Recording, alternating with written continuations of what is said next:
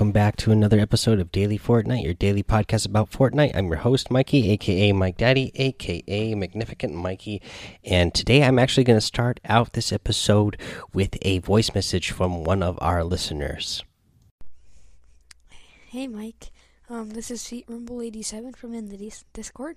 And today I'm just going to be giving a short theory about uh, season 8 and the prisoner. So, as you can notice, the prisoner kind of looks like he's from a lava world. The padlock on his back kind of looks, you know, hot on the inside. So, what I'm thinking is that that's going to lead somewhere to a volcano in season 8. So, yeah, that's my thoughts. That is, might be like volcano, but yeah.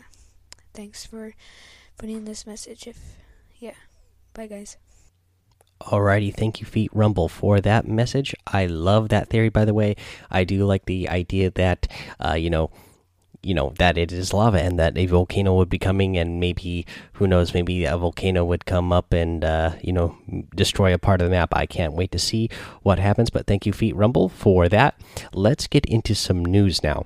So uh, the first thing I want to get into is part two of uh, competitive. Uh, they made a competitive uh, Fortnite state of development uh, a while back. Part one, I believe they said they were going to do this in three parts. This is part two, so let's get into it. By the Fortnite team, howdy folks. We're back with part two of our competitive Fortnite series and ready to share more inform information about what's coming and our vision for 2019 and beyond. Official Fortnite competition. The vision for competition in Fortnite is to make competitive play broadly available to everyone. This includes more game modes, playstyles, and formats in structured competition. This broadens the scope and definition of competitive Fortnite while also celebrating exceptional talent and a variety of gameplay skills across all of Fortnite game modes tools and upcoming features. Competitive ecosystem. Our in game tournament system allows us to bring prized competition to a large group of players, and we're eager to include more regions of the world. Winter Royale was operated through the in game tournament system and featured more than 9,200,000 players across North America and Europe, competing during the two day qualifiers. We just recently introduced parts of our new tournament uh, backend system that will enable new features in near future, such as in-game leaderboards, tournaments, and take place across multiple knockout rounds, and more varied events to keep the play experience fresh and fun.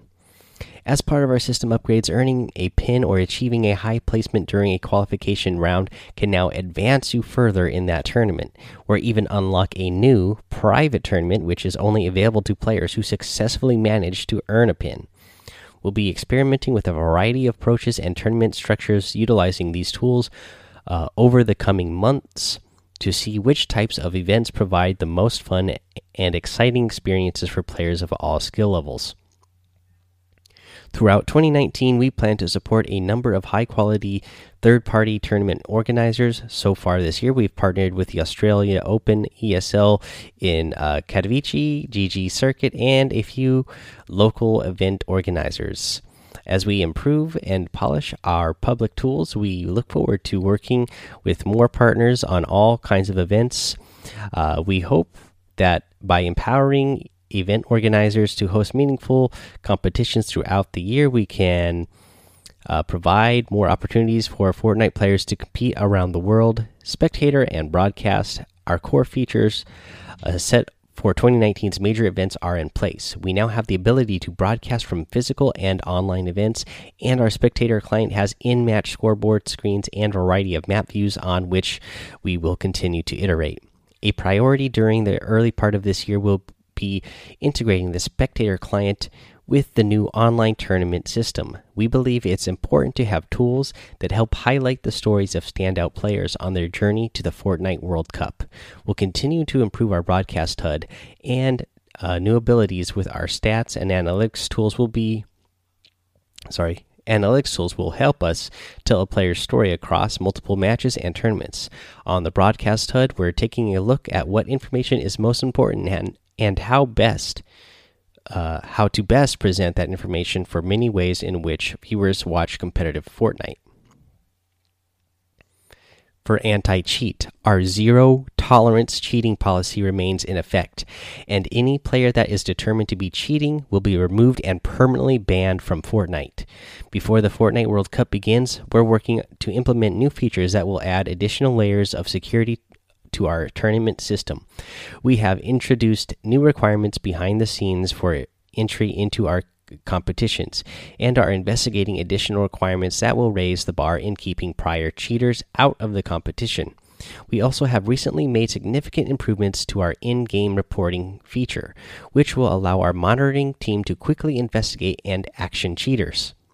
For stats, as previously mentioned, leaderboard capability is fast approaching and will be accessible for in game tournaments. There will also be match summaries that display your placement performance compared to your elimination performance for any given tournament. Using stats to help inform you about your progress in competitive play can be a great tool to better your in game performance, and we want to continue surfacing vital information.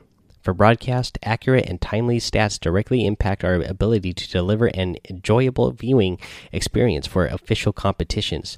Throughout much of last year, we were not satisfied with how quickly we were able to relay vital information like overall standings or a competitor's game by game performance. Right now, we're trying to cut down the time needed to update broadcast graphics by improving the time it takes for real time stats to deliver information to our broadcast team. We are also expanding on the types of stats we're tracking to help casters stay more informed and provide a better storytelling narrative throughout competitions. Casters will eventually be able to use real time scoring so they always know where a player stands in a competition. Uh, for ranked, the in game tournament system is an evolution of traditional ranked system, striving to enhance the best elements of ranked play. Focus windows of competition allow us to better celebrate the performances of, comp uh, of competitors, promote community activity around the events, and create the highest quality matches possible at all skill levels. We'll be explore, exploring rotating or staggered tournament schedules in the future to include more players. You can expect more details on competitive Fortnite and the Fortnite World Cup in the coming weeks. So, a couple things I want to make note on here right off the bat here. Last thing they said here, here at the end, I cannot wait to get more information about the Fortnite World Cup um, because that is going to be really exciting. I'm really excited to see uh, what they do for that uh, World Cup later on this uh, year. Just because I know there's a lot of really good pros out there, and I'd love to see uh, what what Fortnite puts together for a World Cup and uh, how big that competition is going to be and how big the prize money is going to be for that competition. I imagine the World Cup is going to be, you know, an event that takes place over a couple of days. I'm I'm really excited for it. I can't wait. Um, you know, a couple other things. That you know, I can't wait for uh, you know the broadcast, as I said here, to uh, improve and uh, you know be able to give us that information like you know faster and live in time. Um, because that was a, definitely something I noticed uh, throughout uh, the uh, the the broadcast that they've done so far of Fortnite tournaments, where you know it's like okay, they're they're showing us something, but the you know the the broadcasters aren't really uh, commenting on something, and it's because you know they just don't have the information there in front of them. So I you know it'd be nice when they get that uh, faster update system. That way the broadcasters whoever is broadcasting will have that information right there in front of them instantly so that they can like they said here keep the storytelling going. That way they can uh, really um, make it that much more exciting to let you know like okay they're doing this is right now. This is what they've done so far. Uh, you know up to this point they got this many eliminations. This is where they're this is where that this elimination just got them this many points. So now they just moved up to this spot in the leaderboard rather than waiting like 10 15 minutes after a match to figure out what the new standings are. That will be nice to have that. Uh, and then the anti-cheat here. Uh, man i am really hoping that they yeah they get that they get this locked down uh, and find a way to yeah just get rid of these players so that they cannot compete in tournaments. Um, comp, uh, you know, hackers and cheaters getting into the pop up cups. It's no fun. I've ran into myself where people are, uh, you know, shooting through my builds or phasing through my walls. I've had, uh, you know, just uh, all kinds of stuff. So, uh, you know, you know, if if you're playing competitive, you know, uh, I actually forgot to mention this yesterday. So yeah, if you're playing in the competitive modes, if you're playing the pop up cups, don't be a jerk. Yesterday, uh, when I was playing in the pop up cup that I was playing in. Uh, like I said, I I uh, I don't know if I mentioned on the podcast. Actually, I actually came really close. I uh, I got second place a couple of times, uh, two times, and if I would have just got you know the last kill there and got the victory royales on both of those, that would have been uh, the uh, four points I would have needed to get that pin, uh, which I would have been really happy because I would have done it really fast. I would you know I didn't have the full window. But there was a couple other situations where I could have got some points where I didn't because a player dropped out of the game before I killed him. I had one player, uh, I took all of his shield off and then I hit him like for 33 times. So he was just one shot, and then boom, he just instanced himself out of the game. He dropped out of the game. So I didn't get, uh, you know, I didn't get credit for that elimination, and that really bummed me out because not only do you not get the credit for the elimination when you're playing the tournament modes, but then that's also 50 shield. You're supposed to get a, a bonus 50 shield for eliminating a player. I didn't get that because the player just dropped out. Um, I don't know. I didn't report the player at the time because I was trying to finish the rest of the match because the match was still going on, and it was like the it was the end game. There was only like seven or eight players left, and uh, and then they had the replays. Uh, you know, the replay system was down for a while yesterday, so I didn't go in there. I don't know if that's something that I could report or if that's something that they would look at, but I hope it is something they look at because uh, not only people actually using hacks and cheats is you know uh, a bummer, but people who just drop out of games like that, I feel like that definitely should be something that um, is a strike against you at least, uh, because that you know that's just as poor sportsmanship, and you shouldn't be doing that. Okay, let's see here, guys. What else do I want to talk about? Uh, oh, I, I ran another Twitter poll again the other day, of course. Um, this one was a lot more lopsided. We got about 20 votes again, and this time it was like 76 to 24%, like that. Uh, most of you are not using the burst AR or were not using the burst AR when it was in the game.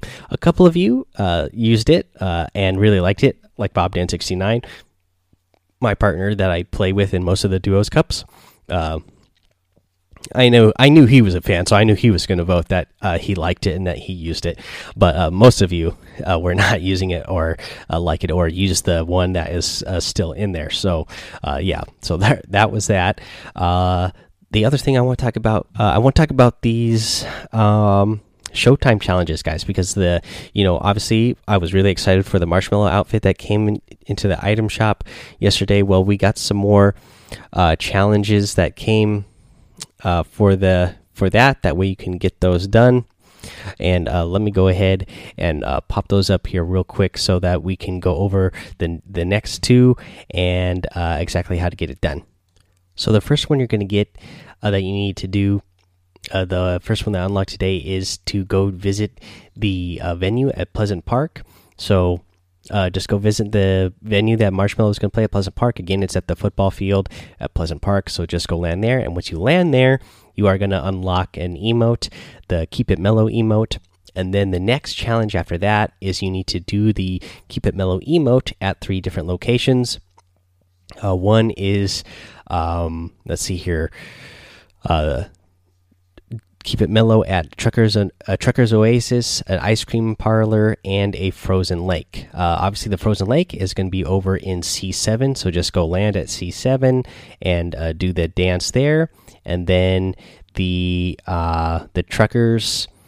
Uh, the Truckers Oasis is going to be that gas station that is in the desert area, which is in let's see here, that is G9 uh, so go land at there, go land there, and do the keep it mellow dance there, and then the uh, ice cream parlor uh, is over in. Let's see here, I seven. So this is uh, just a little bit southwest of the uh, racetrack area.